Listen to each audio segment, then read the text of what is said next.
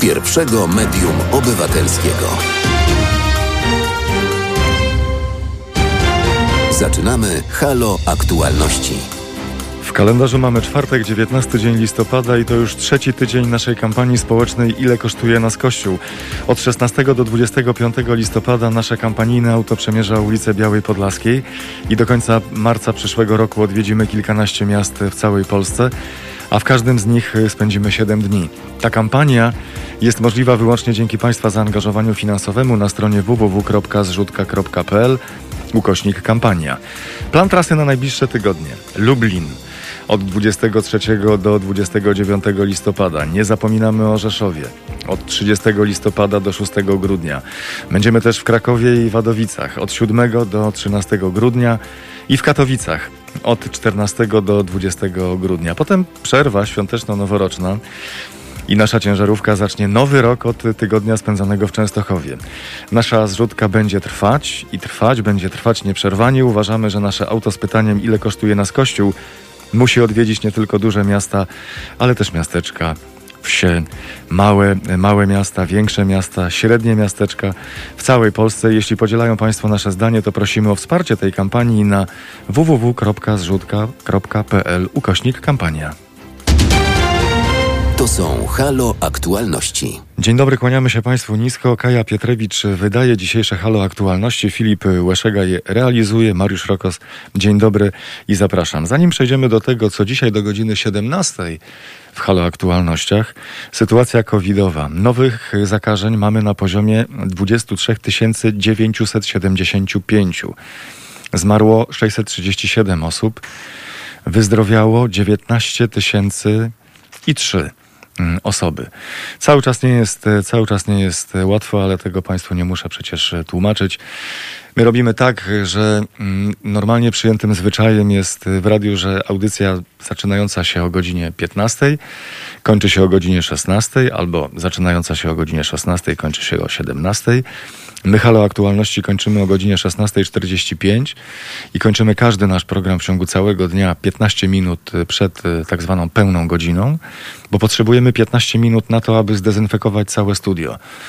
Wymieniamy o te gąbki właśnie piękne z napisem Halo Radio. One są dezynfekowane indywidualnie. Dezynfekujemy klawiatury, blaty, dezynfekujemy całą tę przestrzeń, którą, której dotykamy wspólnie i z której korzystamy wspólnie. Mamy też cały czas e, maseczki. Dodatkowo, jak Państwo zwrócili uwagę, nie zapraszamy tutaj do naszego studia, jakże pięknego, szacownych i szanownych gości, właśnie ze względów bezpieczeństwa. To też utrudnia nam wielokrotnie pracę, bo połączenia telefoniczne pojawiają się, potem znikają, ludzie się przemieszczają, ruszają, różnie to bywa.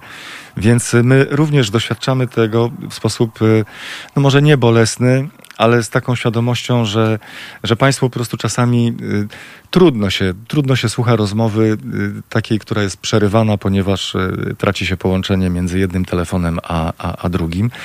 No i mamy cały czas, mamy cały czas maseczki. Mamy wprawdzie klimatyzację, która działa w takim obiegu zamkniętym i ona filtruje te powietrze.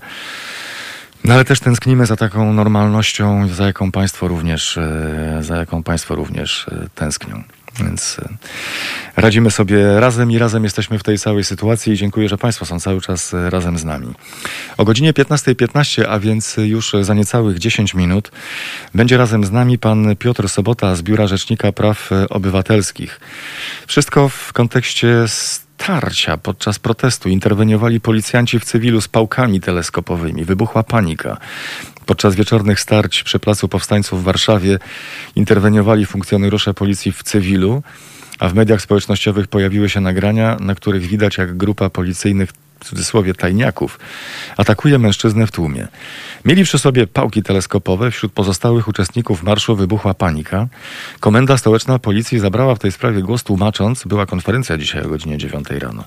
Policja tłumaczyła, że zatrzymany był agresorem. Potem nastąpiła próba odbicia mężczyzny. Policjanci użyli wtedy siły fizycznej. Były trzy takie momenty eskalowania, zdaniem obserwatorów, i to przez policję tych, tych zdarzeń. Jestem bardzo ciekaw, jak ze swojej perspektywy, z perspektywy Biura Rzecznika Praw Obywatelskich widzi to pan Piotr Sobota już o godzinie 15.15 .15 w Halo Radio.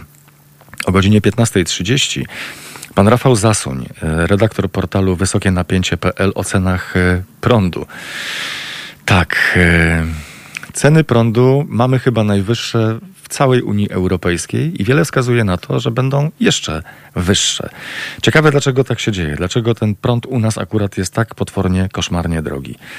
O godzinie 15.45 pani Joanna Grochowska, wiceprezes Fundacji Synapsis, psycholożka, terapeutka o nauczaniu zdalnym i dzieci, które wymagają specjalnego zainteresowania.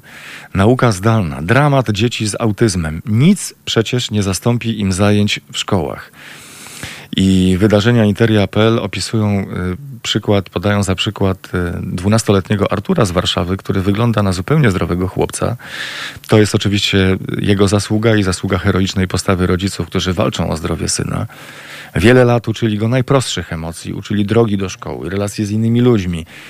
I cała ta praca została, jeśli nie zniweczona, to została wstrzymana z dnia na dzień w momencie ogłoszenia decyzji o zamknięciu, o zamknięciu szkół. Interwencja w Polsat News zajęła się, zajęła się tym tematem, jak radzą sobie dzieci e, dotknięte autyzmem właśnie w sytuacji, w której mają zajęcia online a przecież chcą chodzić do szkoły i, i muszą chodzić do szkoły. I dlatego też e, pani wiceprezes Fundacji Synapsis, psycholożka i terapeutka, przybliży nam ten świat, pokaże nam ten świat e, i, i może wskaże jakąś receptę, drogę na to, którą moglibyśmy podążać, aby pomóc tym ludziom. O godzinie 16 Radosław Pyfel, ekspert w dziedzinie polityki zagranicznej i Chin, publicysta, socjolog, o umowie o umowie, o której mówi się, że to jest nowy Pax Sinica. Bardziej niż wolny handel przypomina imperialny system preferencji. Porozumienie RCEP ustanawiające największą na świecie strefę wolnego handlu coraz mniej przypomina wolny handel, a coraz bardziej system imperialnych preferencji, który dominował na świecie pod koniec XIX i na początku XX wieku. Tak napisał w opinii David y, Fickling, publicysta Bloomberga. I stąd też y, ekspert w dziedzinie polityki zagranicznej i Chin, pan Radosław Pyfel, przybliży nam, przybliży nam szczegóły tej umowy RCEP. O godzinie 16.15 pan Kamil Pluskwa-Dąbrowski, prezes Fundacji Konsumentów o zwyczajach konsumenckich Polaków i Polek w czasie, w czasie pandemii. Wielu Polaków robi zakupy na zapas. Drastycznie wzrósł indeks niepokoju. Tylko 39% z nas czuje się bezpiecznie w sklepie. 40% z nas kupuje na zapas. Co więcej, Polska jest krajem z najwyższym wynikiem wśród badanych w tak zwanym indeksie niepokoju. A więc kontynuujemy w pewnym sensie wczorajsze nasze rozmowy i przedwczorajsze, w jakiej kondycji ogólnie, takiej ogólno psychofizycznej znajduje się całe nasze, całe nasze społeczeństwo. I o godzinie 16.30 doktor habilitowany profesor Uniwersytetu Warszawskiego, pan Robert Grzeszczak, o wecie. Polskim jeszcze nie wecie, węgierskim wecie dotyczącym budżetu Unii Europejskiej. No i pytaniem, co teraz? Co teraz? W którym kierunku to będzie zmierzać?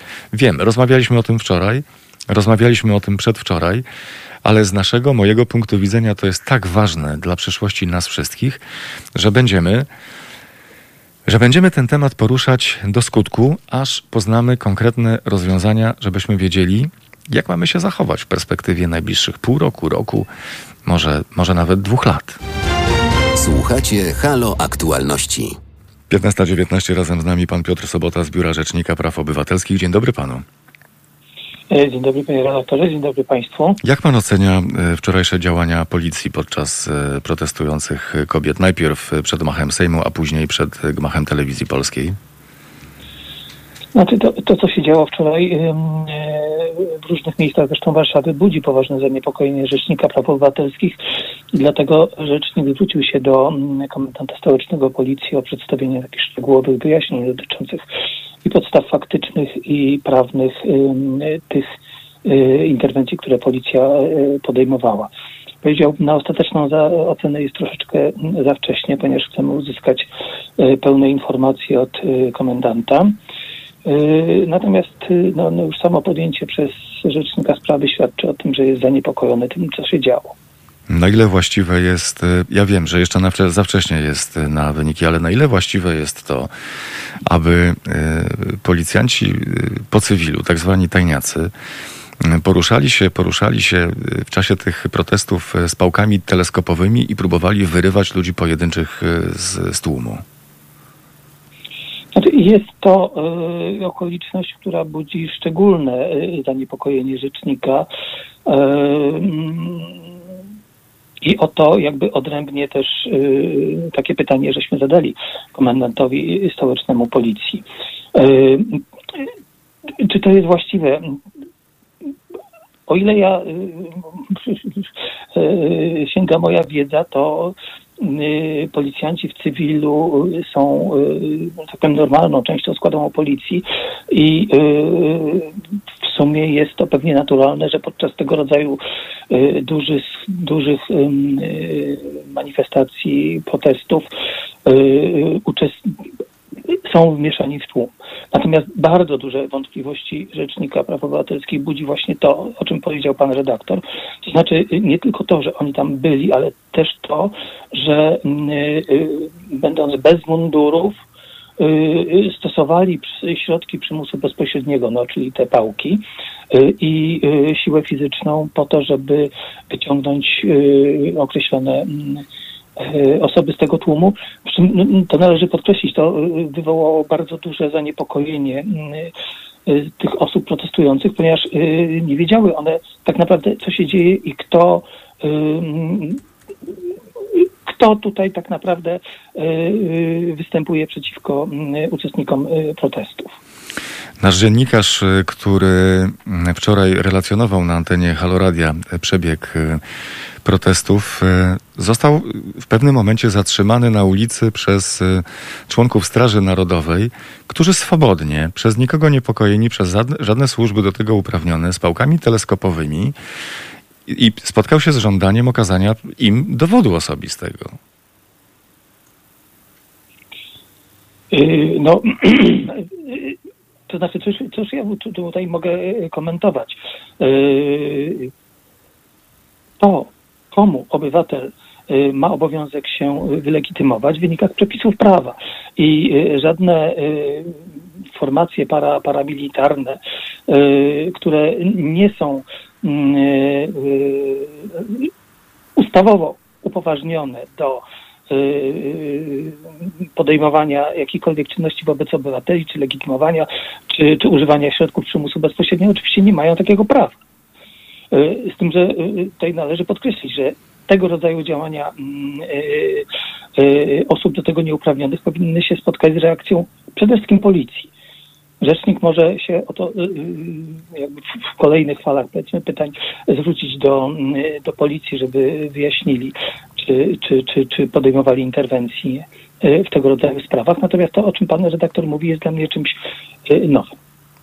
Gdyby był pan uprzejmy również y, zwrócić się z zapytaniem w tej sprawie, to, to, nie tylko, to nie tylko nasz dziennikarz, ale inni dziennikarze, a także normalni obywatele, którzy, którzy być może też doświadczyli podobnych sytuacji, poczuliby się, poczuliby się bezpieczniej. Ludzie wczoraj, ludzie wczoraj byli spanikowani i wręcz przerażeni tą samą sytuacją. No, y, y, wierzę w to i, i nie dziwię się. Podkreślam jeszcze raz, wyłącznie funkcjonariusze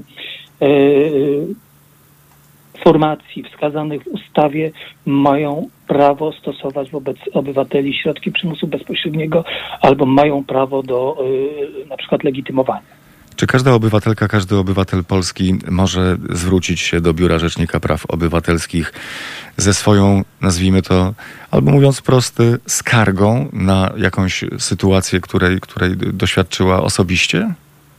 Tak, oczywiście. Y, bardzo zachęcamy do tego, żeby nam tego rodzaju przypadki zgłaszać, bo wtedy y, powołujemy się nie tylko powiedzmy na jakieś enigmatyczne relacje y, prasowe dotyczące bliżej nieokreślonych osób, ale mamy y, relację konkretnej osoby, która y, doświadczyła konkretnego działania, czy, czy, czy, czy policjantów, czy innych osób. Nie wszyscy mieszkają na tyle blisko, aby, aby pojawić się osobiście w biurze Rzecznika Praw Obywatelskich. Jakie jeszcze. Y- Tak? Absolutnie nie jest potrzebne zgłaszanie się y, osobiste w dobie y, epidemii, wręcz do tego zniechęcamy. Zniechęcamy. Natomiast y, w każdej formie pisemnej jest to możliwe i elektronicznej. Można korzystać i z platformy ePUAP, składając skargę do rzecznika, i z maila. I mamy też na stronie Rzecznika Praw Obywatelskich taki formularz kontaktowy. I z tego, y, z tego kanału y, kontaktu też y, można korzystać i bardzo do tego zachęcamy. Czy jest taka możliwość umieszczenia formuły, że dane osobowe osoby zgłaszającej pozostają tylko i wyłącznie do dyspozycji Rzecznika Praw Obywatelskich? Tak, oczywiście można taką formułę zamieścić i wtedy y, my jesteśmy zobowiązani do uszanowania y, woli zgłaszającego. Natomiast y, proszę pamiętać, że jeżeli mamy wyjaśnić konkretne zachowanie policji wobec konkretnego obywatela, to nie podając nie, nie podając tych danych, powiedzmy do wyjaśnienia komendantowi stołecznemu czy głównemu policji, praktycznie uniemożliwiamy zbadanie tej konkretnej sytuacji. Ile w tej chwili mają Państwo skarg ze strony, ze strony obywateli e, odnośnie wczorajszych zdarzeń? Yy, Panie redaktorze, to znaczy mm, yy, na to pytanie nie odpowiem, zwłaszcza, że jakby powiedzieć machina urzędnicza Biura, Biura Rzecznika Praw Obywatelskich ma pełno, pewną bezwładność i podejrzewam, że jeżeli takie sprawy już wpłynęły, a na moje biurko jeszcze nie dotarły, to są dopiero jakby we wstępnej obróbce y, przez y, po pierwsze y, naszych pracowników, którzy przyjmują te skargi, a potem przez zespół, który się zajmuje taką wstępną oceną wniosków. Mm, Dlatego y, nie potrafię odpowiedzieć na to pytanie. jeszcze. Patrząc na, patrząc na ostatnie sześć e, miesięcy, widzi Pan, że y, któryś z obszarów y, naszego życia społecznego, obywatelskiego budzi szczególną, jest przedmiotem szczególnej troski ze strony obywateli, że wcześniej tego rodzaju zapytań, próśb, skarg nie było, a nagle się pojawiły? Rzecznik Praw Obywatelskich odnotował y, dużą liczbę skarg, zarówno dotyczącą y, protestów, które się odbywały w maju. To były te protesty przedsiębiorców, y, później były te protesty y, związane y, z y, orzeczeniem Trybunału Konstytucyjnego. No i oczywiście mamy bardzo dużą grupę skarg dotyczącą y, problemów z obowiązkiem czy obowiązkami, zakazami, nakazami wynikającymi z epidemii.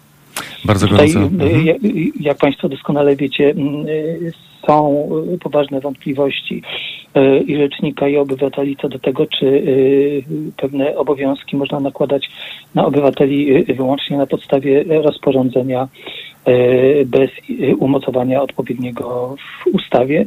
I mamy bardzo dużo zgłoszeń właśnie obywateli, obywateli którzy się żalą na mm, interwencję policji w tym zakresie. Bardzo gorąco dziękuję za rozmowę, za spotkanie. Pan Piotr Sobota z Biura Rzecznika Praw Obywatelskich był Państwa i moim gościem. Dziękuję. Ja również bardzo dziękuję. Słuchacie Halo Aktualności. 15.30 razem z nami pan Rafał Zasuń, redaktor portalu wysokienapięcie.pl. Dzień dobry, kłaniam się nisko.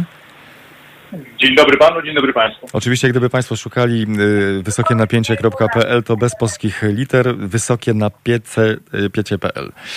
E, Polski prąd najdroższy w Unii Europejskiej już 7 miesięcy z rzędu. Dlaczego tak się dzieje?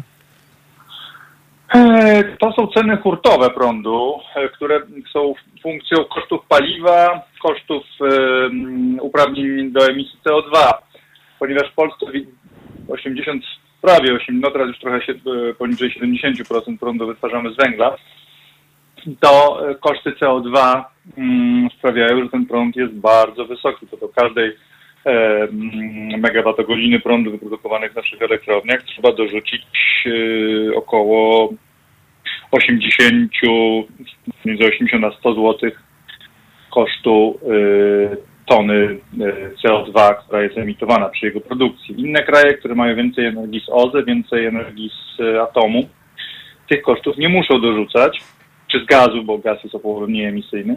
Dlatego u nas ta energia jest taka droga. To są ceny hurtowe, a czy te ceny hurtowe przekładają się na nasze rachunki domowe za prąd?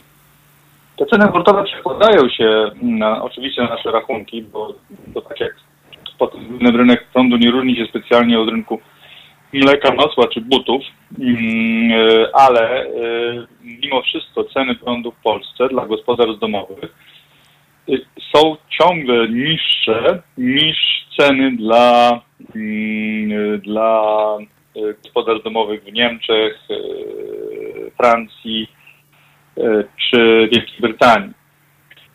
Po prostu te obciążenia, które mają konsumenci w Niemczech czy, czy, czy we Włoszech, e, one są dużo wyższe. Są obciążenia wynikające właśnie ze wsparcia OZE, z opłat sieciowych, z rozmaitych innych opłat e, i wskutek tego płacimy no, średnio o połowę mniej na przykład niż przeciętny Herr Schmidt e, za swój, za swój prąd, za swoją megawattogodzinę prądu. E, natomiast poszkodowany jest polski przemysł, zwłaszcza ten wielki przemysł, który kupuje ceny energii hurtowo, bo on no, ma wyższe ceny niż yy, ten sam przemysł, ta sama huta, czy, czy taka fabryka w Niemczech, czy w, we Francji. To znaczy, że my, y, obywatele, też ponosimy te koszty, bo skoro przemysł drożej produkuje, to drożej nam sprzedaje pewne, pewne towary. Oczywiście, że tak, natomiast my tych kosztów nie widzimy, bo nie widzimy w, w, w koszcie domu yy, tego kosztu stali, która została do produkcji tego domu zużyta, czy w koszcie mostu. Yy, tego nie widać, bo to jest jednak ułamek tego, natomiast yy, nasz przemysł obawia się i w dużej mierze słusznie, że utraci konkurencyjność, zwłaszcza ten przemysł energochłonny, czyli wielkie huty, cementownie, no one są, no dla nich ten koszt prądu jest y, duży i one muszą konkurować nie tylko z przedsiębiorstwami Unii Europejskiej, ale na całym świecie. Yy, dlatego one domagają się no tutaj możliwości, umożliwienia im inwestowania we własne źródła energii, tak żeby obniżyć sobie koszty, no i takich działań rządu, które sprawił, że ta mm, różnica między cenami hurtowymi w Polsce a cenami hurtowymi w Europie Zachodniej będzie mniejsza. Rafał Zasuń, redaktor portalu Wysokie Napięcie.pl jest e, Państwa i moim gościem w Halo Radio. Polski prąd jest najdroższy w Unii Europejskiej już 7 miesięcy z rzędu. Czy to oznacza, że to jest efektem pewnej koniunktury? Na, na rynku światowym, czy to są lata, lata zaniedbań y, naszego, na, naszego, naszego, naszego przemysłu, y, naszego sposobu wytwarzania y, prądu? To jest efekt głównie niewiary w politykę klimatyczną Unii Europejskiej. O tym, że Unia będzie dążyła do eliminacji węgla jako paliwa, mówiło się od lat, ale też kryzys gospodarczy z lat 2007-2009 9 spowodował bardzo długą stagnację na rynku uprawnień CO2. One oscylowały w okolicach 5, i 5 czy 8 euro i to nie miało wtedy takiego wielkiego znaczenia. W momencie, kiedy wreszcie Unia Europejska zebrała się w sobie i przeprowadziła reformę tego rynku uprawnień CO2, ceny poszybowały nagle w 2019 roku do 20 euro i powyżej. I to już miało olbrzymie znaczenie dla rynku hurtowego. Rząd zareagował panicznie, pamiętamy słynną ustawę o zamrożeniu cen prądu, no ale minął ten rok 2019, kiedy ceny zostały zamrożone, ceny trzeba odmrozić. I efekt jest jaki jest, tak? Polska ma najwyższe ceny hurtowe. Z czego o, jednym, o jednej rzeczy zapomniałem wspomnieć, stała się importerem prądu na olbrzymią skalę. No ten import rośnie lawinowo, ponieważ różnica cen między Polską a Niemcami, Czechami i jest tak duża, że ten prąd wpływa do nas w rezultacie nasze elektrownie pracują dużo krócej, mm, e, dużo mniej godzin w roku. No i domagają się rozmaitych rekompensat od państwa za to, że, że one pracują krócej, bo przecież są potrzebne w systemie wtedy, kiedy na przykład nie wieje wiatr i nie świeci słońce, to trzeba je uruchamiać. W związku z tym rząd kombinuje z różnymi mechanizmami dodatkowymi, takimi jak, jak mocy, za, których, za które płacą konsumenci. Skoro teraz prąd, y, ceny prądu rosną już 7 miesięcy z rzędu, to może za chwilę zaczną spadać? E, one zaczną spadać, owszem, jeśli zaczną spadać ceny CO2 lub chociażby ceny węgla, bo ceny węgla są drugim takim składnikiem mm, kosztotwórczym cen prądu. No niestety się na to nie zanosi, bo gdyby jeszcze ceny węgla miały bardzo mocno spaść, to nie wytrzyma tego na, nasze polskie górnictwo. Oni po prostu mają swoje koszty stałe, trzeba pokryć pensje górników e, i, i e, a zbliża się barburka, więc trzeba premię zapłacić. Więc nie zanosi się na to, żeby mm, ceny węgla spadły, nie zanosi się też na to, żeby spadły ceny uprawnień do emisji CO2. Także dopóki będziemy dywersyfikować naszego miksu energetycznego, tak żeby mm, było tam więcej OZE, no to ten, e, ta, ta cena nie będzie spadać, ale trzeba też pamiętać, że mm, nawet jeżeli będziemy dywersyfikować ten miks energetyczny, to, mm, e, to, to wymaga tak olbrzymich inwestycji, no tam różne kwoty padają od 200 do, do 700 miliardów złotych, że ten koszt gdzieś będzie musiał po prostu się odbić. No i on się odbije i na cenach, i na i, na, y, i dla gospodarstw domowych, i dla przedsiębiorców. Po prostu ten koszt no, nie zniknie.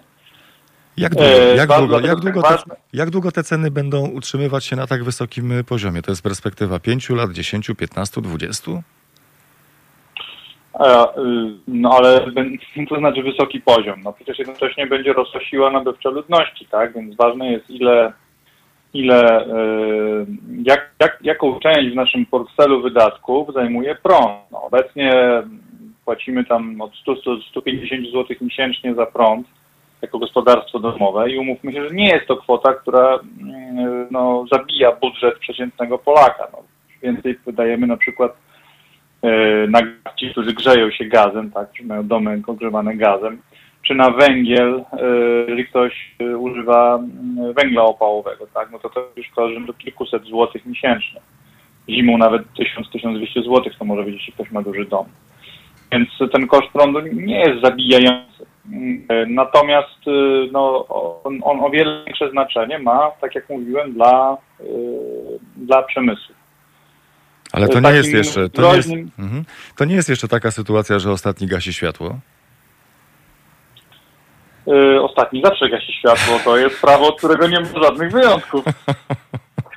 Mu powinien pamiętać, żeby go nie zgasić, bo, żeby, żeby, go, żeby go zgasić, bo jeśli go nie zgasi, no to oczywiście to światło świeci bez sensu. Pamiętajmy właśnie o jednym, no, żeby, żeby, że ostatni powinien gasić to światło, dlatego że polską piętą Achillesa mm, całej gospodarki jest niska efektywność energetyczna. My ciągle zużywamy jako, jako kraj więcej prądu na jednostkę PKB niż Niemcy, Dania, Szwecja. Ciągle mamy przestarzałe maszyny, przestarzałe urządzenia, nieenergooszczędne żarówki w, w domach, a niskie ceny prądu też no, nie skłaniają do oszczędzania. Jeśli ten prąd będzie droższy, to wreszcie zaczniemy go oszczędzać. To jest zjawisko, które ci Polacy starsi dobrze pamiętają z PRL-u. No to, co było tanie, to było marnotrawione, bo po prostu nie opłacało się tego oszczędzać. I jednym z takich, y, jednym z takich y, rzeczy był, jedną z takich rzeczy był właśnie prąd, który, go, który był sztucznie dotowany, był bardzo tani, związku z tym nikt go nie oszczędzał i tego prądu wiecznie brakowało i PRL był trapiony plagą powszechnych blackoutów. Także ten wzrost ten prądu będzie miał też pozytywne skutki, y, no takie, że zacznie wreszcie oszczędzać. A przedsiębiorca, przedsiębiorca zacznie kupować więcej energooszczędnych urządzeń, zaczną kupować energooszczędne technologie i nasz, ta nasza gospodarka stanie się mniej prądżerna. Bardzo gorąco dziękuję za spotkanie i za rozmowę. Pan Rafał Zasuń, redaktor portalu Wysokie Napięcie.pl. Dziękuję bardzo. Miłego dnia. Dziękuję panu, dziękuję państwu. Miłego dnia. Słuchacie Halo Aktualności. Na zegarach 15.45 razem z nami pani Joanna Grochowska, psycholożka, wiceprezes Fundacji Synapsis. Dzień dobry pani. Dzień dobry.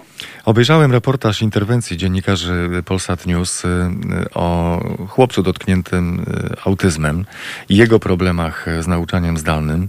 Mama y, Artura mówi: My tylko możemy się domyślać, co mu przeszkadza, co mu nie przeszkadza. Jemu jak coś nie pasuje, to nagle są dziury w ścianach, podarte podręczniki. Dlaczego tak się dzieje? No to jest dosyć złożony problem. Możemy w ogóle powiedzieć, że jeżeli chodzi o spektrum autyzmu, to to będzie wyglądało e, u każdego dziecka trochę inaczej, ale tak naprawdę najbardziej prawdopodobną przyczyną jest to, że dziecko nie, z jednej strony nie rozumie tego, co się dzieje, nie rozumie zmian, które zachodzą w otoczeniu, szczególnie jeżeli to są nagłe zmiany, takie niespodziewane, a z drugiej strony nie radzi sobie z całą sytuacją, czyli jest to efekt e, braku takich umiejętności do poradzenia sobie z bardzo trudną sytuacją, a ponieważ e, umiejętności związane mm, z mówieniem o swoich emocjach, z e, nazywaniem rzeczy, określaniem tego, co mi przeszkadza, co nie, dlaczego coś jest trudne, są u osób z autyzmem, u dzieci z autyzmem dużo, dużo słabsze niż u, niż u, ich, niż u ich rówieśników. Stąd e, takim sposobem na radzenie sobie często e, jest właśnie złość, e, denerwowanie się, krzyk. Na ile ważną rzeczą dla dzieci dotkniętych autyzmem jest bliski kontakt z rówieśnikami, z, z innymi dziećmi z ich klasy, do której przecież jeszcze do niedawna chodzili, spotykali się codziennie, rozmawiali, bawili się, wchodzili w interakcje? To jest e, bardzo ważne. Mówi się o tym, że nie ma leku na autyzm. To jest prawda, że tą rolę leku, tak, takiego e, może, może tak naprawdę pełnić tylko i wyłącznie druga osoba. Może to być rodzic, może to być terapeuta, może to być rówieśnik i najczęściej dla dzieci właśnie są to rówieśnicy. Nawet jeżeli oni się nie, do, nie dogadują, nawet jeżeli w klasie są różne napięcia na linii dziecko spektrum, a, a rówieśnicy, to i tak ta rola, obecność rówieśnika w życiu dziecka z autyzmem jest no, nie do przecenienia, dlatego e, to, ta sytuacja, z którą, z którą wszyscy mamy do czynienia od, od marca, e, zamknięcie szkół, e, lekcje zdalne, jest e, w ogóle odczuwana bardzo źle i bardzo ciężko przeżywana przez wszystkie dzieci, ale przez dzieci niepełnosprawne, w tym przez dzieci ze spektrum, które mają właśnie taką dużą trudność w rozumieniu sytuacji społecznych, e, szczególnie. Jak rodzice dzieci z niepełnosprawnościami mogą pomóc e, swojemu dziecku w tej sytuacji? Myślę sobie, że to nie, nie, ma takiej prostej odpowiedzi też na to pytanie. Myślę sobie, że przede wszystkim to, co jest ważne, bardzo ważne, to zapewnić jak największy spokój, jak największą przewidywalność i wsparcie. Również takie wsparcie emocjonalne i, i różnego rodzaju sposoby na odreagowywanie emocji, na wyciszenie takie, które może dziecko ma wypracowane, ale myślę sobie, że ogromną rolą tutaj jest kwestia też tego, w jaki sposób te mm, lekcje zdalne są prowadzone. To naprawdę, co się dzieje w większości szkół, no nie może, nie powinno się odbywać w ten sposób, że dziecko e, jest pozostawione samo sobie, ewentualnie z obecnością rodzica. Proszę zauważyć, że zdecydowana większość dzieci w spektrum to są dzieci, które mają orzeczenie o potrzebie kształcenia specjalnego, w którym są opisane szczególne dostosowania. Te dostosowania najczęściej w ogóle są nierealizowane w formie nauczania mm, takiego zdalnego. Nauczyciele często nie są w stanie zindywidualizować tego albo po prostu nie myślą o tym, żeby to zindywidualizować, e, a te dzieci e, w jeszcze większym stopniu niż rówieśnicy w takiej formie nauczania zdalnego nie będą przyswajały wiadomości, nie będą się tak uczyły, jak mogłyby. Jak wielu dzieci w Polsce dotyczy ten problem?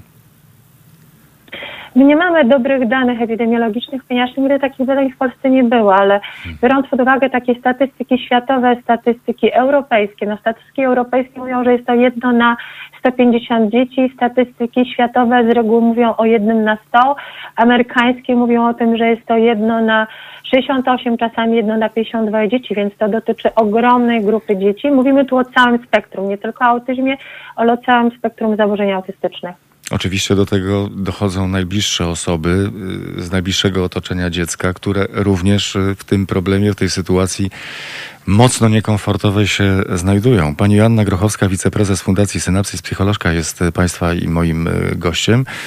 Dzisiaj jest Międzynarodowy, praw, Międzynarodowy Dzień Praw Dziecka. Mm, z Pani zawodowej perspektywy, na, na, pani, na Pani poziomie patrzenia na świat, Widzi Pani elementy, w których należałoby zmienić, poprawić, y, w większym stopniu zadbać o prawa, prawa dzieci w Polsce? Zdecydowanie tak.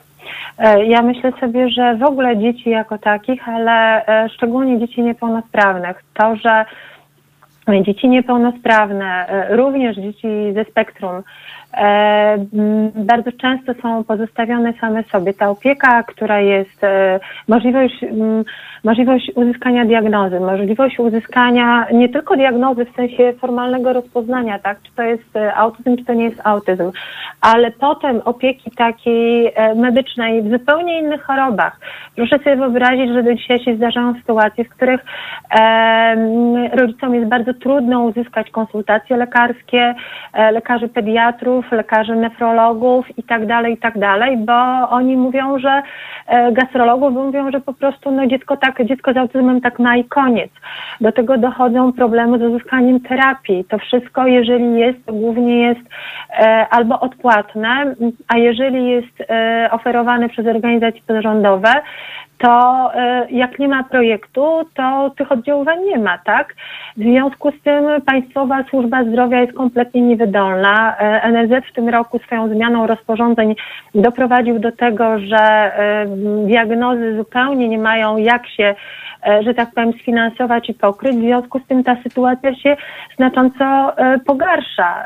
Nie ma też, i to mi się wydaje ogromnym problemem, że właściwie o ile my się staramy jako społeczeństwo coraz bardziej zwracać uwagę na głos dzieci w różnych sytuacjach, o tyle przez chociażby problemy z komunikacją, jakie mają dzieci spektrum, ten ich głos jest zupełnie niesłyszalny. Pamiętajmy, że część osób w spektrum w ogóle nie mówi. Używają jedynie alternatywnych form porozumiewania się, czasami piszą, czasami pokazują e, obrazki na takiej tablicy komunikacyjnej. Wysłuchanie ich wymaga ogromnej cierpliwości i zrozumienia, ale bez tego e, ich prawa e, nie będą przestrzegane, ich sytuacja się nie będzie poprawiać. Tak. To jest kwestia tylko i wyłącznie pieniędzy, czy to jest kwestia tego, że te pieniądze są źle wykorzystywane i wystarczy je wykorzystać mądrzej, a wtedy, a wtedy będzie o wiele lepiej? Myślę sobie, że przede wszystkim jest to kwestia e, zmiany stosunku do osób niepełnosprawnych, zmiany stosunku do osób z autyzmem w Polsce i w ogóle takiej zmiany wrażliwości społecznej. My e, dużo mówimy o prawach i o tym, jak to powinno być, jak przychodzi co do czego, to sami często e, no, nie zachowujemy się w taki sposób, jak uważamy, że należałoby się zachować. Na pewno jest tak, jak Pan powiedział, czyli że te środki, które są, ich jest niewiele, ich powinno być zdecydowanie więcej, ale te, które są, powinny być lepiej wykorzystywane. E, natomiast to jest w ogóle kwestia zmiany postrzegania osób niepełnosprawnych, e, osób z autyzmem i w ogóle dzieci e, w naszym kraju. Czy byłoby pewnym nadużyciem, gdybym powiedział, że tak naprawdę każda z nas i każdy z nas powinien być rzecznikiem tych dzieci, które sobie same bez nas nie poradzą? Zdecydowanie tak. Zdecydowanie tak powinniśmy, e, powinniśmy starać się zrobić wszystko, żeby e, zrozumieć e, te dzieci, żeby przyjąć ich perspektywę, bo nam mimo wszystko jest pod wieloma względami łatwiej. E, I nie mamy, nie mamy takich ograniczeń, jakie często mają osoby niepełnosprawne, a poza tym jako dorośli odpowiadamy za bezpieczeństwo dzieci, za to, żeby one miały szansę na jak najlepszy rozwój, na to, żeby mogły stać się no właśnie dorosłymi, też biorącymi odpowiedzialność i mogącymi uczestniczyć w życiu społecznym. Więc uważam, że tak. Myślę sobie teraz, y, kiedyś to miało brzydsze określenie, ale myślę teraz o takiej oziębłości i obojętności sprowadzającej świat do tego, że ale co my z tego będziemy mieli?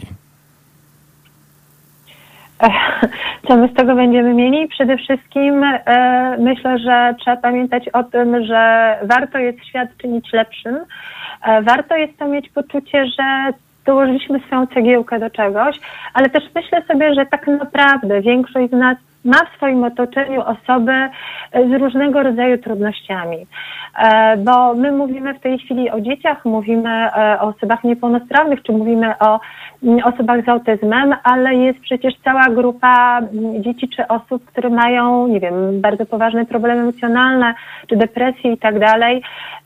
To, że my będziemy bardziej uważni, bardziej wrażliwi na siebie, będziemy zwracać uwagę szczególnie właśnie na prawa tych najsłabszych, którzy często nie są w stanie się obronić, że przy okazji różnego rodzaju zbiórek pieniędzy, pieniężnych akcji, które są prowadzone, będziemy w stanie zrezygnować, nie wiem, z zakupu kawy czy batonika i dorzucimy nawet małą kwotę e, do tej zbiórki, spowoduje to, że być może odbędzie się kolejna diagnoza, że być może odbędzie się kolejna godzina terapii, a dzięki temu być może ktoś będzie e, bardziej szczęśliwy i, i dostanie swoją szansę.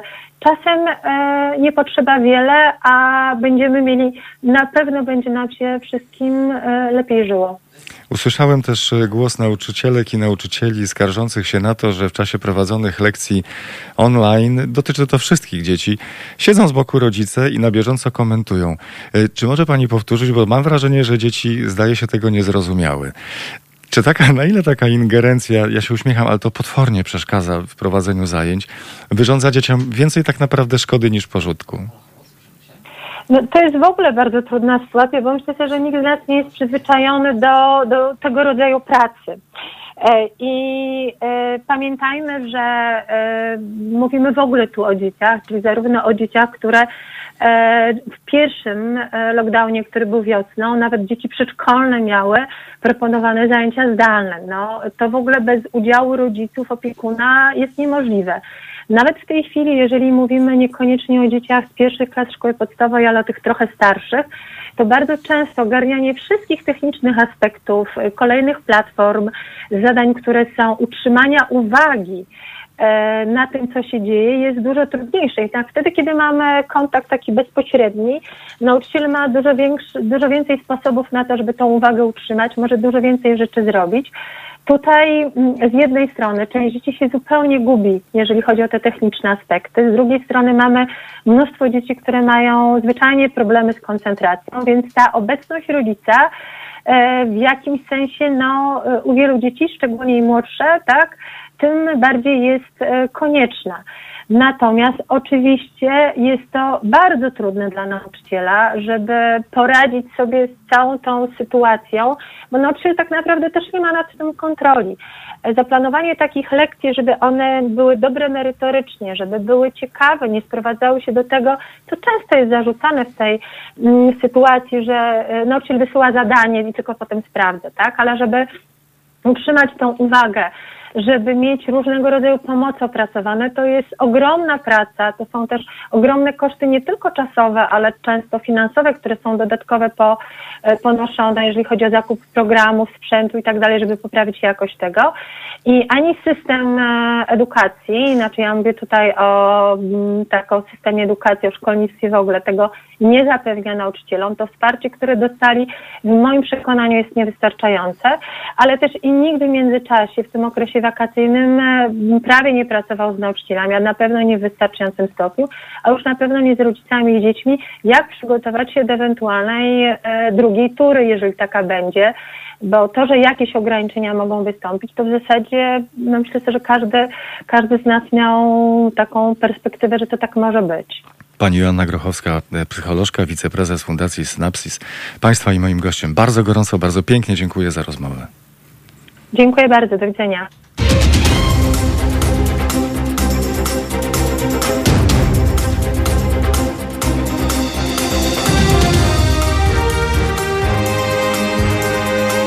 Minęła 16. Słuchacie Halo Radia, pierwszego medium obywatelskiego. To są Halo Aktualności. To już trzeci tydzień naszej kampanii społecznej Ile kosztuje nas Kościół? Od 16 do 25 listopada nasze kampanijne auto znajduje się na ulicach Białej Podlaskiej. Do końca marca przyszłego roku odwiedzimy kilkanaście miast w całej Polsce, spędzając w każdym z nich 7 dni. To jest doskonała okazja do, dla Państwa również do tego, aby zrobić zdjęcie i przesłać na naszą skrzynkę teraz małpahalo.radio. Bardzo prosimy. Ta kampania jest możliwa wyłącznie dzięki Państwa zaangażowaniu finansowemu na stronie www.zrzutka.pl ukośnik kampania. W ciągu najbliższych tygodni Lublin od 23 do 29 listopada, Rzeszów od 30 listopada do 6 grudnia, Kraków i Wadowice od 7 do 13 grudnia, Katowice od 14 do 20 grudnia. Potem wszyscy mamy święta, jest przerwa noworoczna, więc nasza ciężarówka zacznie nowy rok od tygodnia spędzonego w Częstochowie. Nasza zrzutka będzie trwać nieprzerwanie, o ile Państwo nam pomogą. Uważamy, że nasze auto z pytaniem, ile kosztuje nas kościół, musi odwiedzić nie tylko duże miasta, ale też setki mniejszych ośrodków w całej Polsce. Więc jeśli podzielają Państwo nasze zdanie, to prosimy o wsparcie tej kampanii na www.zrzutka.pl ukośnik kampania.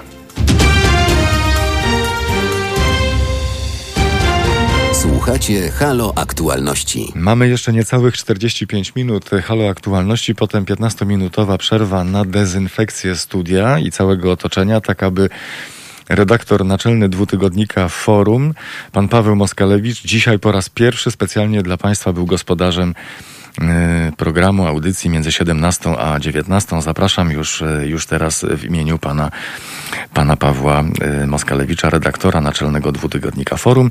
A razem z nami pan Radosław Pyfel, ekspert w dziedzinie polityki zagranicznej i Chin, publicysta. Dzień dobry, dzień dobry, dobry wieczór. Dzień dobry, witam, witam pana, witam państwa. Umowa RCEP. Co to jest ta umowa RCEP?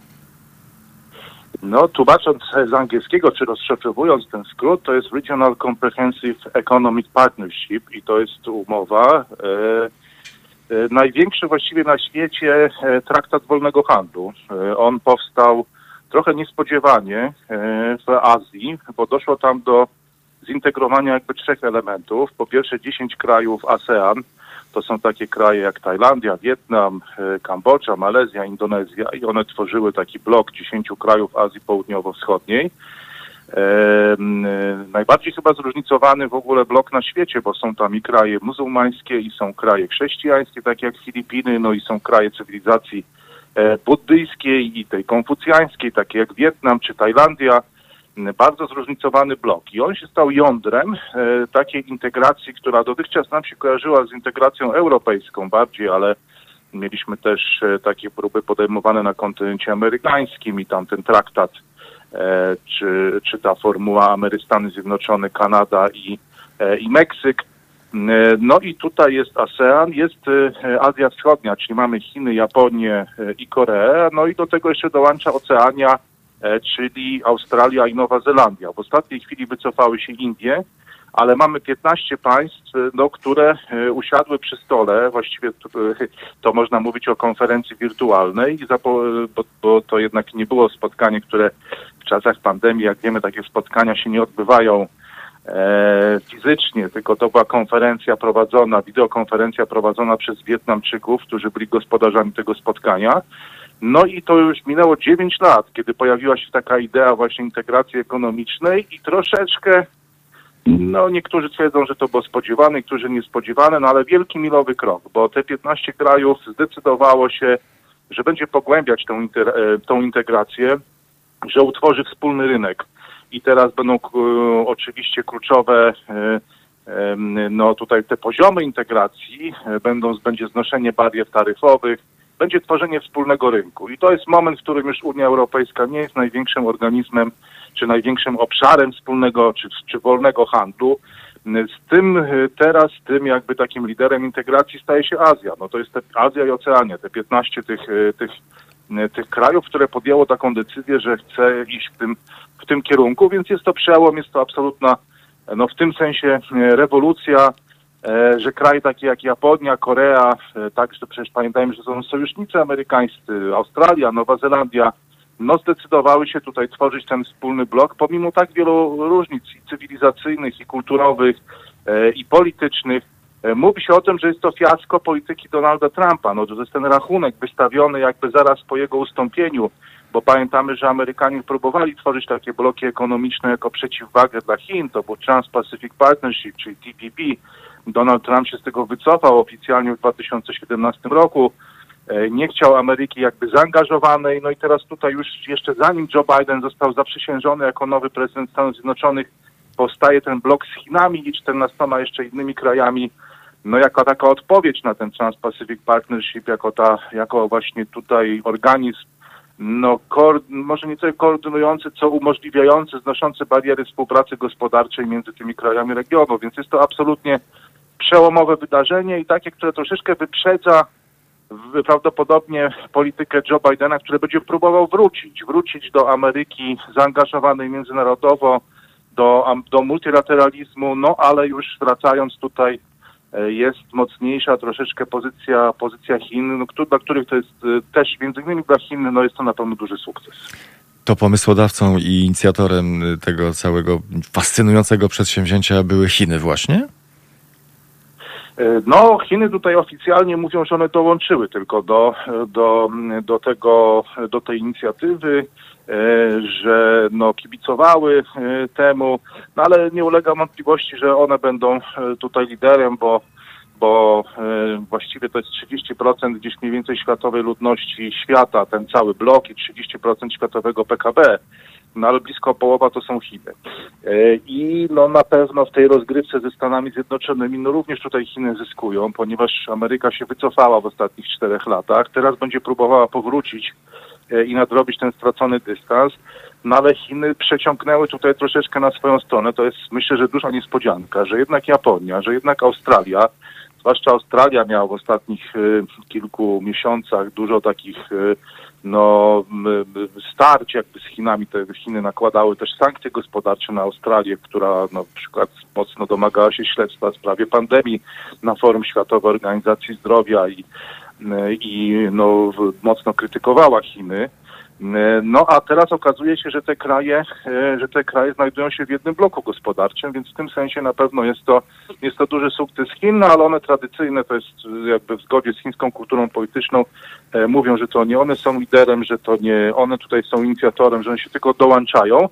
No jest to też sukces dla innych krajów, bo e, oczywiście w euforii są Wietnamczycy, którzy byli gospodarzami tego spotkania, to jestem w kontakcie e, z ludźmi w Hanoi, no, którzy tutaj nie wiem, czy ten sukces znowu jest taki duży, no akurat tak się złożyło, że to, że to przypadło na ten moment, kiedy to Wietnam e, e, objął to rotacyjne takie przewodnictwo, no ale, ale na pewno też jądrem tego, tej integracji jest ASEAN, e, który był takim związkiem luźnych państw, nie tak ścisłym jak Unia Europejska, bo my mamy przecież w Unii wspólne instytucje, mamy Parlament Europejski, mamy Komisję Europejską, tego ASEAN tak ściśle zintegrowany nie jest, no ale jest też, y, to jest 10 krajów o no bardzo zróżnicowanych. Są kraje islamu, są kraje właśnie konfucjańskie, buddyjskie, y, chrześcijańskie jak Filipiny i to, i to jest pewien sukces ASEAN, więc y, że, że ta integracja się sprawdzała i z tego też Azjaci się cieszą.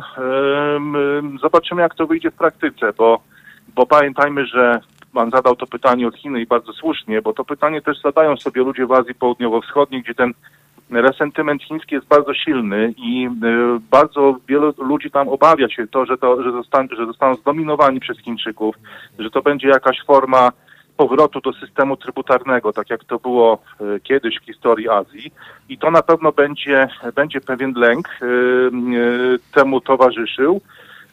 No ale to zobaczymy. No myślę, że warto, e, że warto to, e, to obserwować, bo, bo, bo, bo kształtuje się zupełnie nowy porządek.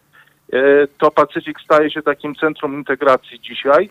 I tutaj tylko mogę dodać, że jest to możliwe również po czasach pandemii, bo o ile rozmawiam z, jakby z elitami opiniotwórczymi w różnych z tych krajów Azji, nie tylko Wietnamem czy Chinami, to ch- chcieli oni do tej integracji doprowadzić, bo widzieli tu korzyść gospodarczą, a pamiętajmy, że te społeczeństwa, chyba wszyscy jesteśmy na świecie zmęczeni tą pandemią, E, I, no, I to był ten argument, znaczy zmęczenia pandemią i jakiegoś rozwoju, wzrostu gospodarczego. Ta integracja jednak zawsze to, e, to przyspiesza, to ułatwia i no, będzie tutaj starcie, znaczy właściwie może nie tyle starcie, tylko przenikać będą się ten, ten in i yang, jak to, jak to w Azji, czyli z jednej strony chęć dalszej integracji, z drugiej strony obawy przed nią i to pewnie będzie ten obraz, który będziemy obserwować w najbliższych, e, w najbliższych latach, no ale dzieje się rzecz fascynująca i cieszę się, że dzisiaj w Halo Radio mogliśmy o tym e, porozmawiać, bo to jest taka rzecz, o której w Polsce się praktycznie w ogóle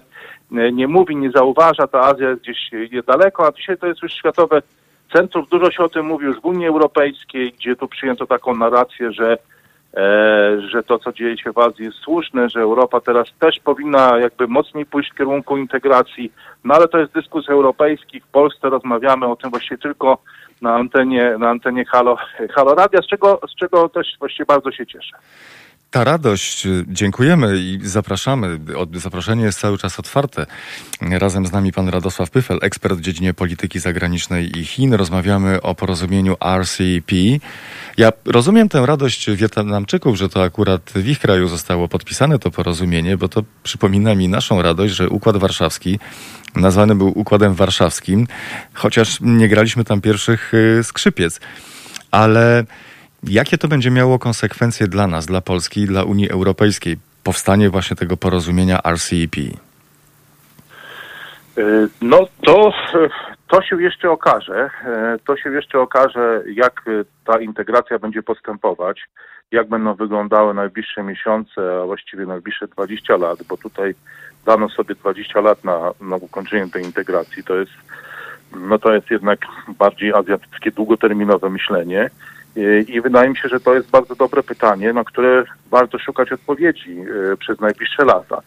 E, to, co teraz na pewno się zmieni, tutaj, żeby już e, może dać jakąś konkretną odpowiedź słuchaczom Halo Radia i nie uciekać w takie ogólnofilozoficzne rozważania i nie wybiegać tak daleko w przyszłość co do następnych dwóch dekad, no to będzie na przykład wspólna metka, tak jak jest CE, czy Certificate of Europe, czy e, Made in EU, jeżeli mówimy o towarach, no to teraz będzie to e, będzie ustandaryzowanie e, właśnie pewnych no, e, certyfikatów czy Rules of Origin, to się tak nazywa fachowo, e, więc jeżeli będzie produkt z Mianmy, albo z Wietnamu, albo z Chin, albo z Australii, to on będzie miał tą metkę RCEP.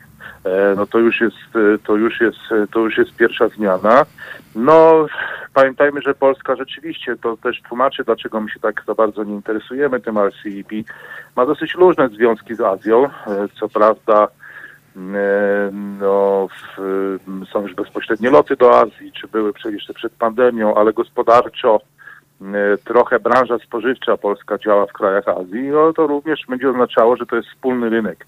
Czyli jeśli ktoś eksportuje do Australii, czy do Wietnamu, czy do Chin, no to równie dobrze będzie mógł y, pojawić się na rynku koreańskim, na przykład, czy japońskim, czy birmańskim, czy tajskim, więc y, no jest to, y, jest to dwa, ponad 2 miliardy ludzi, no i taki wspólny rynek. No to chyba, jeżeli jesteśmy w Unii Europejskiej, może niech mnie pan poprawi, ale sądzę, że to jest kilkaset milionów populacji, populacja Unii Europejskiej, tak?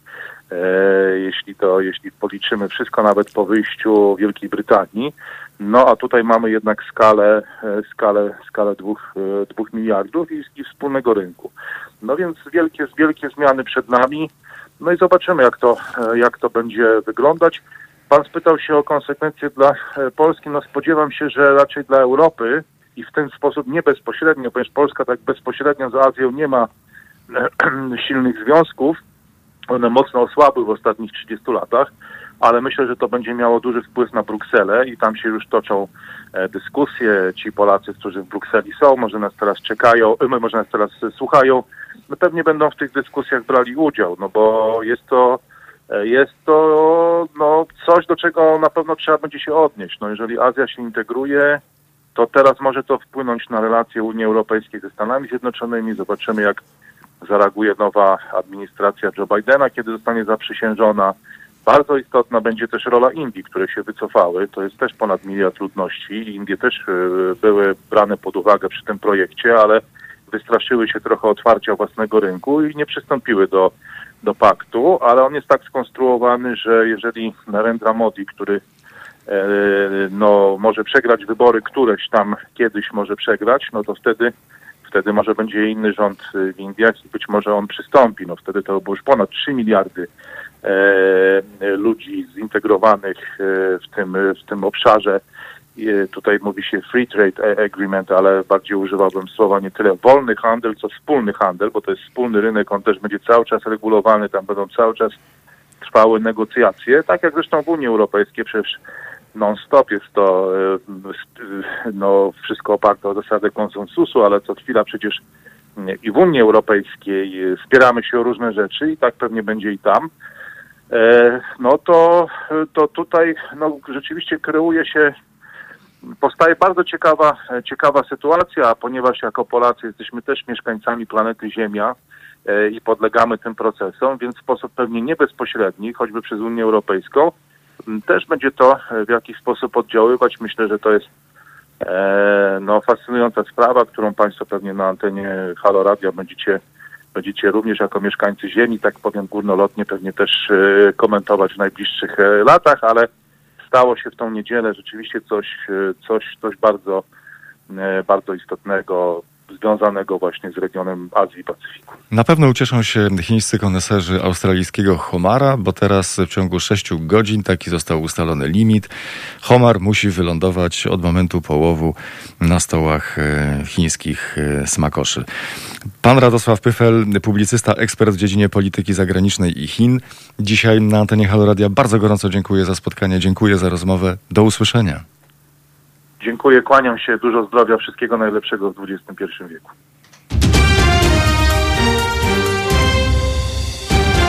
Słuchacie Halo Aktualności.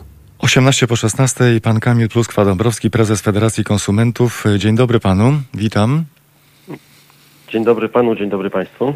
E, Płyną takie niepokojące e, dane z, z rynku konsumenckiego, że jesteśmy coraz bardziej zaniepokojeni, nie czujemy się pewnie na zakupach, e, czujemy się zaniepokojeni całą, całą sytuacją, robimy zakupy na zapas. Pytanie, czy słusznie? No, jeśli chodzi o sytuację, którą mieliśmy do czynienia wiosną, kiedy mieliśmy ten pierwszy lockdown, to wtedy rzeczywiście były takie objawy, może jeszcze nie paniki, ale już gorącego zaniepokojenia. W tej chwili e, część konsumentów ponowiła to, ale już chyba nie tak duża jak wtedy. Myślę, że jesteśmy e, jako społeczeństwo e, w stanie dość rozsądnie podchodzić do tego, co się dzieje, jeżeli chodzi o naszą gospodarkę, o ewentualny lockdown, czy jak to nazywano, kwarantannę narodową. I myślę, że takiego wielkiego powodu do niepokoju o zachowanie samych konsumentów nie ma. Nie pytałbym, gdybym nie widział, jaka jest tendencja. W ciągu miesiąca poziom obaw Polaków wywołanych przez pandemię koronawirusa wzrósł o 30 punktów procentowych.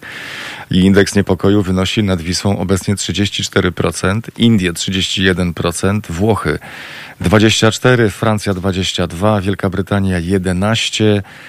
Japończycy są najmniej zaniepokojeni, minus 19, minus 19%. Dlaczego nas to tak akurat bardzo głęboko dotyka i jest przedmiotem naszego lęku? Myślę, że w dużej mierze mają na to wpływ te pozakonsumenckie tematy. Znaczy my jako Federacja Konsumentów zajmujemy się głównie tym, jak wyglądają e, finanse Polaków, e, jakie są w tym momencie trendy, jeżeli chodzi o zachowania na półce sklepowej czy na zakupach w internecie. Natomiast myślę, że my się obawiamy bardziej o wydolność służby zdrowia, o ewentualną utratę miejsc pracy, e, czyli lockdown e, i e, kondycję naszych małych przedsiębiorców, rodzinnych e, firm. E, Myślę, że mniej o to, czy będziemy mogli kupić żywność e, albo czy będziemy mieli dostęp do energii elektrycznej i internetu, bo tutaj przekonaliśmy się już, że raczej jesteśmy bezpieczni. Był taki moment y, przy pierwszym uderzeniu koronawirusa, że zaczęliśmy masowo kupować y, płyny do dezynfekcji, mydła, różnego rodzaju środki, środki higieny, środki czystości. A potem zauważyłem takie niepokojące dane, które mówiły, że jakby znowu wróciliśmy do naszych starych, niedobrych przyzwyczajeń i, i już przestaliśmy tak masowo kupować te towary. Jak jest teraz? Ta, ta fala rzeczywiście zakupów y, wywołana była wielką niepewnością. Znaczy nie wiedzieliśmy, co się wydarzy za chwilę, jak szybko ta epidemia i czy będzie się rozwijać, czy, czy bardzo gwałtownie.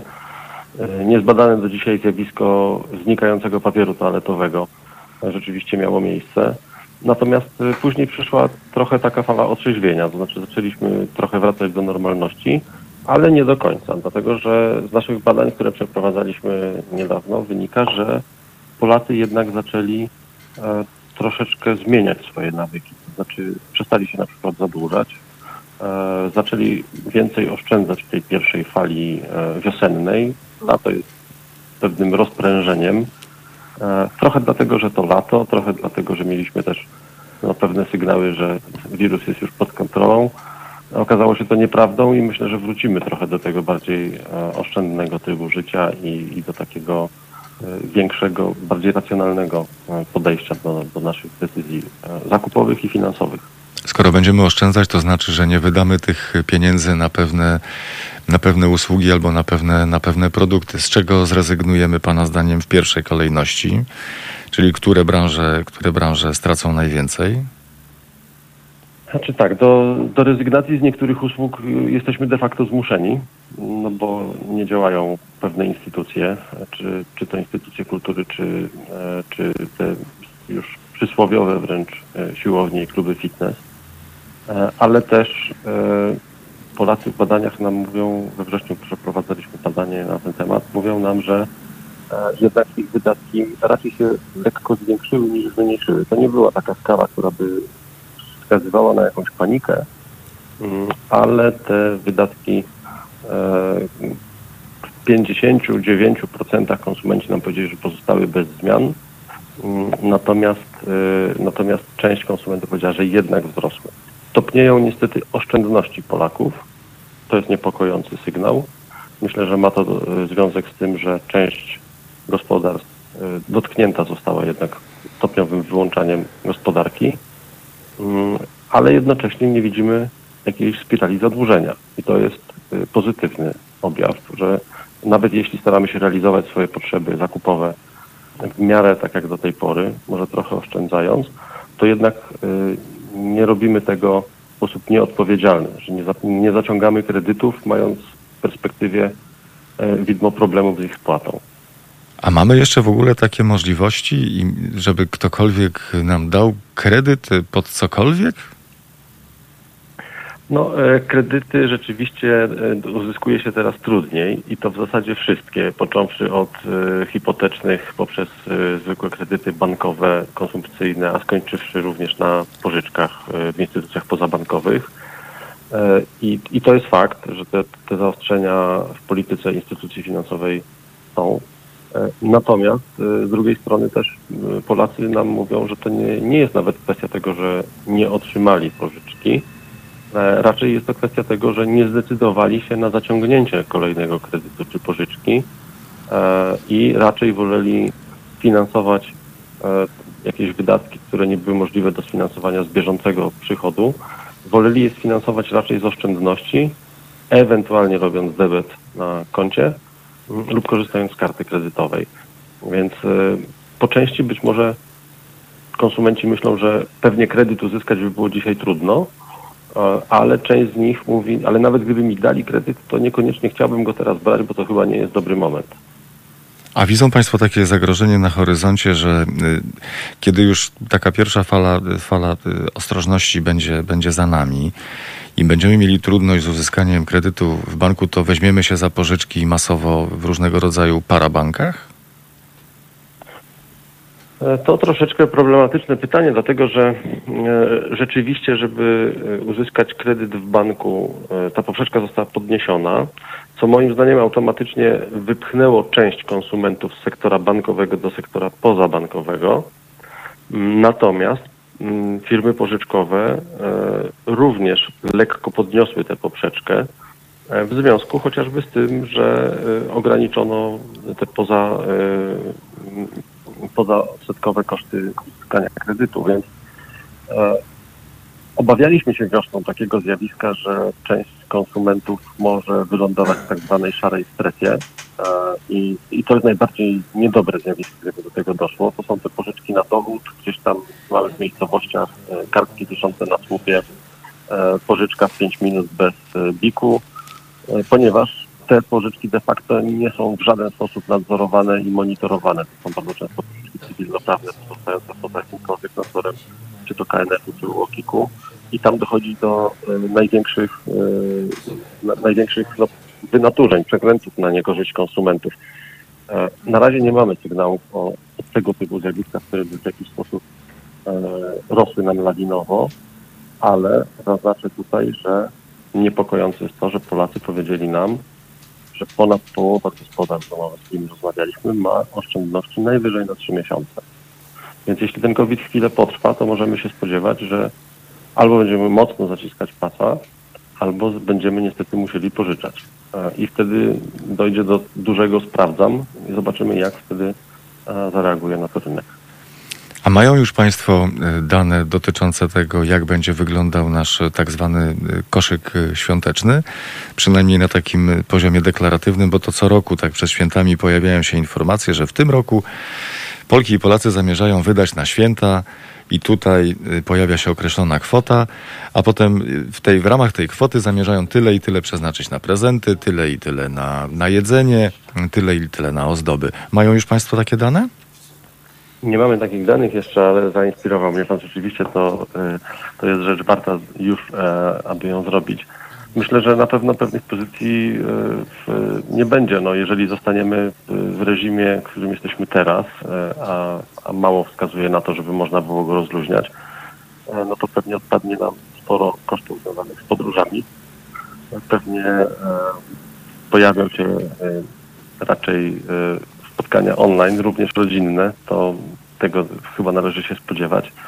A co do zakupów, e, myślę, że prezenty e, przedświąteczne będziemy w stanie zorganizować online. Polacy lubią tę formę kupowania zakupów. Tu jesteśmy w czołówce europejskiej.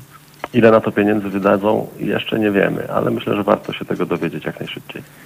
Bardzo gorąco dziękuję. Proszę pamiętajmy o sobie nawzajem. Jak już Państwo będą mieli te dane, to, to bardzo proszę, bardzo proszę powiedzieć nam, jak ten świąteczny koszyk będzie wyglądał, a my też ze swojej strony będziemy się przypominać. Niezbyt natarczywie, ale konsekwentnie. Pan Kamil Plustwa Dąbrowski, prezes Federacji Konsumentów, dzisiaj w Halo Radio. Dziękuję serdecznie za spotkanie. Miłego wieczoru. Dziękuję bardzo wszystkim Państwu. Życzę zdrowia.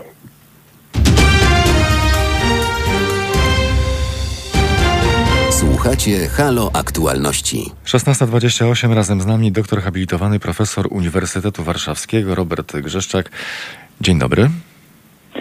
Dzień dobry, właściwie już dobry wieczór Państwu. No tak, no tak. Zazwyczaj po 18 mówimy sobie dobry wieczór, ale to jest tak. Wchodzimy teraz chyba w, najtru... w najtrudniejszy chyba czas, prawda? Zresztą. tak. Już wchodzimy w taki najtrudniejszy czas, że zaczynamy się już za chwilę po prostu odliczać czas do wiosny, kiedy dzień, nie, do nowego roku, kiedy no. będzie się wydłużał ten dzień. Powiem szczerze, że ja już odliczam i czekam na marzec, kiedy więcej optymizmu. Zwłaszcza, że w naszym kraju ciemność w każdym sensie, tak e, klimatycznie i dobowo, jak i politycznie, społecznie. Panie profesorze, ale dlaczego akurat e, marzec? No nie, nie, tutaj to akurat e, czekam na wiosnę. To też może być takie sugestywne. Wiosna w każdym sensie idzie nowe, świeże, mm, być może coś się też zmieni w naszym kraju. Do wiosny już będziemy wiedzieli, co z budżetem Unii Europejskiej, czy to dalej będzie nam spędzało sen z powiek? E, tak, będziemy wiedzieli, e, jak bardzo jest źle, chaotycznie już 1 stycznia bo do 1 stycznia 2021 e, roku musimy e, jako państwa Unii Europejskiej członkowskie podjąć decyzję, czy uchwalamy siedmioletnie plany budżetowe, a w efekcie wejść w życie może już uchwalony budżet roczny, czy też nie uchwalamy, czyli to słynne e, weto, które jest przecież niczym innym jak kwestią polityki wewnętrznej, bo to jest spór między premierem a ministrem Ziobro, o wpływy i o władzę na przyszłość. Zresztą już dawno zapowiadany, bo w lipcu pan Ziobro raczył powiedzieć, że jeżeli premier zaakceptuje e, uzależnienie wypłat od praworządności, to on e, to powinien się podać do dymisji. No teraz realizuje tę zapowiedź z lipca. Także niestety, ale piekło wewnętrzne przekładamy na politykę, czy raczej na sprawy unijne 27 państw. Przecież te państwa o tym doskonale wiedzą. I e, nie patrząc na szkody, jakie to wyrządzi, nie tylko wizerunkowe, bo te już mamy i tak e, olbrzymie, ale pat, nie patrząc na interesy kraju, na rację stanu, na przedsiębiorców, bo proszę Państwa, jedna rzecz, że tam wejdzie tak zwany e, budżet e, na prowizorium budżetowe, czyli każdego miesiąca będą wypłacane podstawowe kwoty, znaczy podstawowe, kwoty na podstawowe wydatki, które były zaplanowane rok wcześniej. Ale nie będzie można uruchomić innych programów. A przecież mamy, kiedyś nie, rok temu nie było jeszcze pandemii, teraz jest i są skutki ekonomiczne. Są przygotowywane olbrzymie projekty na ratunek, taki swoisty plan Marszala. I tutaj znowu chcemy się zachować jak jakieś władza komunistyczna, powiedzieć my nie potrzebujemy, Ja z oburzeniem usłyszałem, przepraszam, tak bardzo dużo mówię, ale już kończę, e, wypowiedź e, posłanki Kępy, która powiedziała, że no pieniądze są, ale nie są aż tak istotne, bo budżet państwa sobie poradzi. No to jest po prostu skandal. To jest e, wypowiedź niegodna polityczki, która z tej strony sceny politycznej to jest innej, ale została wybrana przez wyborców, aby reprezentować interesy kraju, dbać o te interesy kraju, a która sobie wygodnie siedzi, no to tu dużo mówić, za potężne pieniądze w Brukseli. Panie profesorze, ja cenię sobie moje krótkie pytania i pana długie odpowiedzi. I moje pytanie następne. Ale nie, ja się bardzo cieszę z tego powodu, bo wiem, że wszyscy na, tym, wszyscy na tym korzystamy, bo dowiadujemy się czegoś, czego nie wiedzieliśmy jeszcze przed chwilą. Moje następne pytanie jest następujące. Skoro decyzja zapadnie, to może być też ciekawy prezent pod choinkę. Yy, do 1 stycznia już muszą podjęte być wstępne decyzje. Kiedy może nam się to odbić czkawką w najbliższej mhm. perspektywie? Dobre pytanie, bo to też yy, yy, już wiemy, kiedy, znaczy ci, którzy yy, śledzą tak naprawdę akty prawne, Czkawką to się może odbić najszybciej pod koniec czerwca 2021, a mm, to znaczy tak, jeżeli nie przyjmiemy budżetu, ram finansowych, a w efekcie będzie budżet prowizoryczny, no to już od 1 stycznia będzie pogorszona sytuacja, bo już wtedy państwa, 20, 25 państw zapowiada, to już, to już jest taką tajemnicą profesora Poliszynela, a właściwie to przestała być taką tajemnicą, że państwa są gotowe, e, jeżeli Polska i Węgry się nie ugną, e, to przyjmą e, określony pakiet projektów pomocowych jakby poza Unią. Czyli będzie 25 państw, które się umówią i zaciągną razem z Unią pożyczki, a Polska i Węgry będą poza. Natomiast y, to jest na wypadek, gdybyśmy postawili to weto na ramy finansowe. E, bo trzeba pamiętać, postawienie weta na ramy finansowe te siedmioletnie, czyli 2021-2027, to jest taki ogólny plan, jak y, y, każdego roku ukształtowywać szczegółowo budżety roczne. To więc jak nie przyjmiemy tych siedmiolatki, no to budżety roczne nie będą mogły być przyjmowane. To jest, to jest ten pierwszy scenariusz. Drugi scenariusz, przyjmujemy jednak ramy finansowe, czyli nie idziemy w bank taki um, zaparte. Tutaj prężymy muskuły. Prezydencja Niemiec, e, która teraz przewodniczy Radzie, czyli spotkaniom ministrów, stara się wypłycić e, postanowienia rozporządzenia, które ma być przyjęte jakby wspólnie z tym pakietem, czyli ramami finansowymi, budżetem rocznym. Wejść w życie 1 stycznia ma rozporządzenie czyli taki akt prawny Unii Europejskiej, który przypomina polską ustawę. I tam jest powiedziane, że e, Komisja może wnioskować e, o zawieszenie wypłat, jeżeli uzna, że państwo łamie praworządność, a ma to wpływ na wydatkowanie, na sposób wydatkowania pieniędzy z budżetu Unii Europejskiej. I znowuż, proszę Państwa, dajemy się wprowadzić w kozi róg przysłowiowy, bo to Węgry mają kilkanaście postępowań o to, że nieprawidłowo wydają pieniądze z budżetu Unii Europejskiej, że tam rodzina i znajomi królika przysłowiowego, czyli, e, szef, e, czyli e, Orbana, dostają zasiłki z tych potężne dofinansowania niezgodnie z procedurami z pieniędzy unijnych. W Polsce my nie mamy takich problemów póki co, ale trzymamy się z tymi Węgrami i obyśmy na tym nie wyszli jak przysłowiowy znowu Zabłocki na mydle, ponieważ to tak naprawdę Węgry mają powody, żeby się martwić, a Polska, no cóż, jeżeli rzeczywiście komisja dowiedzie, że dane pieniądze, które mają przyjść z Brukseli e, na dany projekt, są zagrożone, że dochodzi do nadużyć finansowych, to wówczas może e, wyjść z wnioskiem o zamrożenie tych pieniędzy.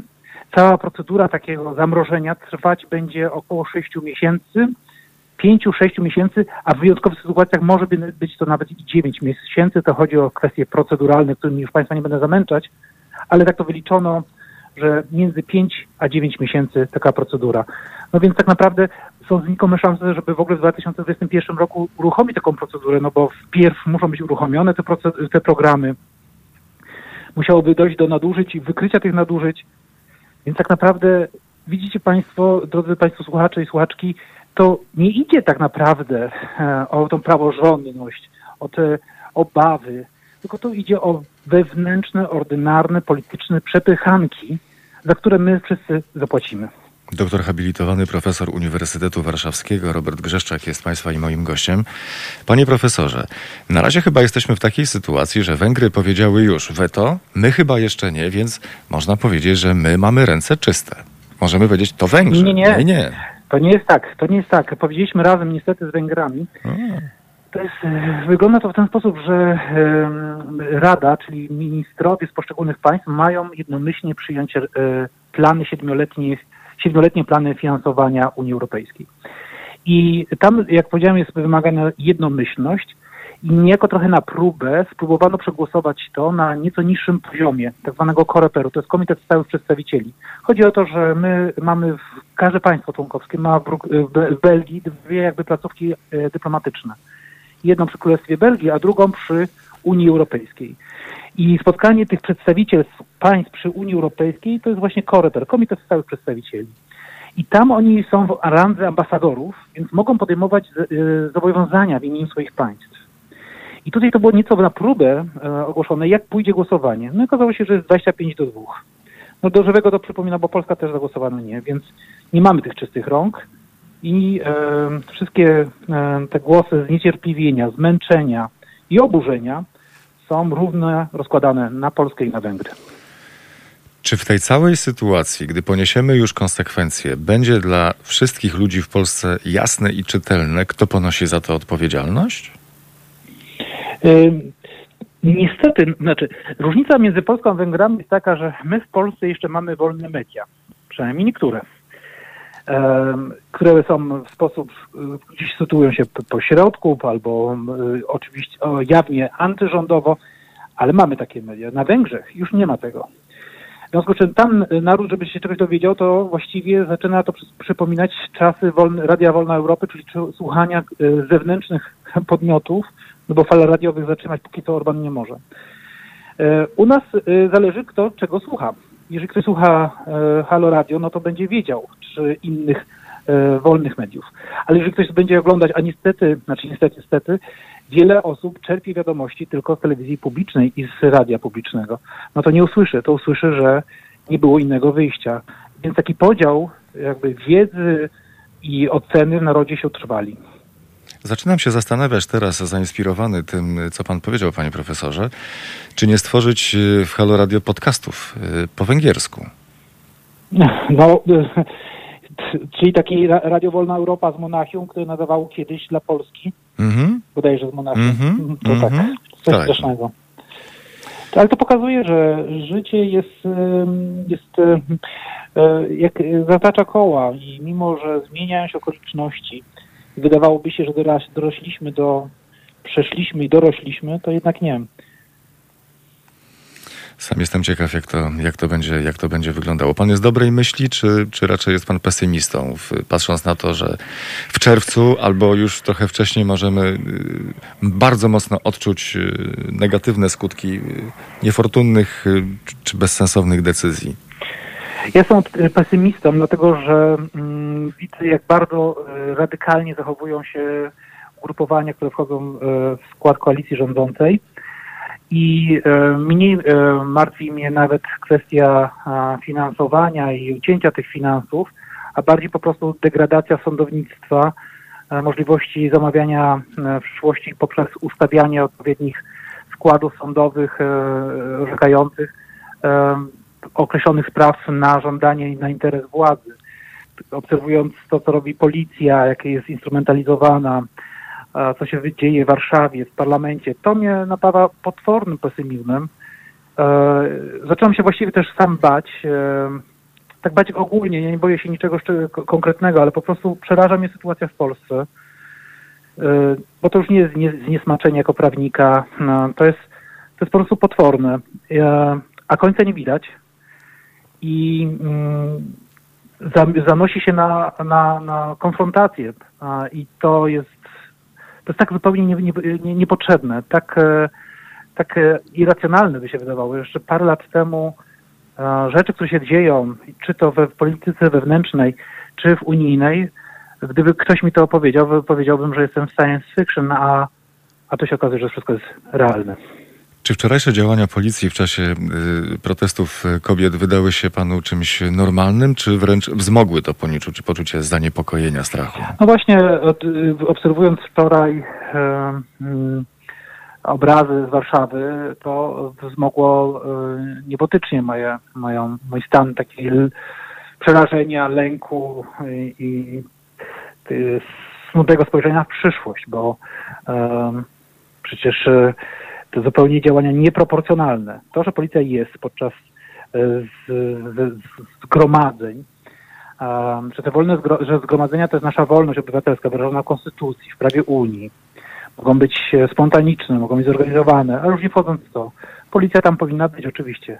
Ale to, że stosuje środki, które jakby porównać do Marszu Niepodległości, tak zwanego Marszu Niepodległości, silniejsze, bardziej restrykcyjne w stosunku do kobiet i w ogóle do pokojowych manifestantów, którzy mówią, że spacerują, no bo takie są uwarunkowania te covidowe, więc niech będzie spacerantów. To jest przerażające. I bardzo smutne, że policjanci no, z jednej strony y, wykonują swoje czynności, no ale chyba gdzieś e, jest granica. Ja odniosłem wrażenie, że nam naprawdę, że Joe Biden po kampanii wyborczej porównał, to zrodziło, zrodziło pewne zamieszanie i oburzenie Polskę, Węgry i Białoruś postawił razem. No ale y, gdy popatrzeć, co robi się na ulicach z manifestującymi, no to bardzo blisko nam do tej Białorusi. To jest y, przyczynek i powód do tego, aby szef całej policji podał się do dymisji? Moim zdaniem tak, ale myślę, że dostanie raczej nagrodę. Doktor habilitowany profesor Uniwersytetu Warszawskiego Robert Grzeszczak, Państwa i moim gościem. Bardzo gorąco dziękuję za rozmowę i do Dziękuję usłyszenia. Zapraszamy. Bardzo gorąco Państwu dziękujemy za dzisiejsze spotkanie. Kaja Pietrewicz y, była wydawczynią Halo Aktualności, Filip Łeszega realizował Halo Aktualności, Mariusza Kos też Państwu dziękuję i kłaniam się. Już za mniej więcej 15 minut y, po raz pierwszy na antenie Halo Radia pan redaktor naczelny dwutygodnika Forum specjalnie dla Państwa Paweł Maskalewicz będzie gospodarzem audycji. To były Halo Aktualności. Na kolejny program zapraszamy jutro o godzinie 15.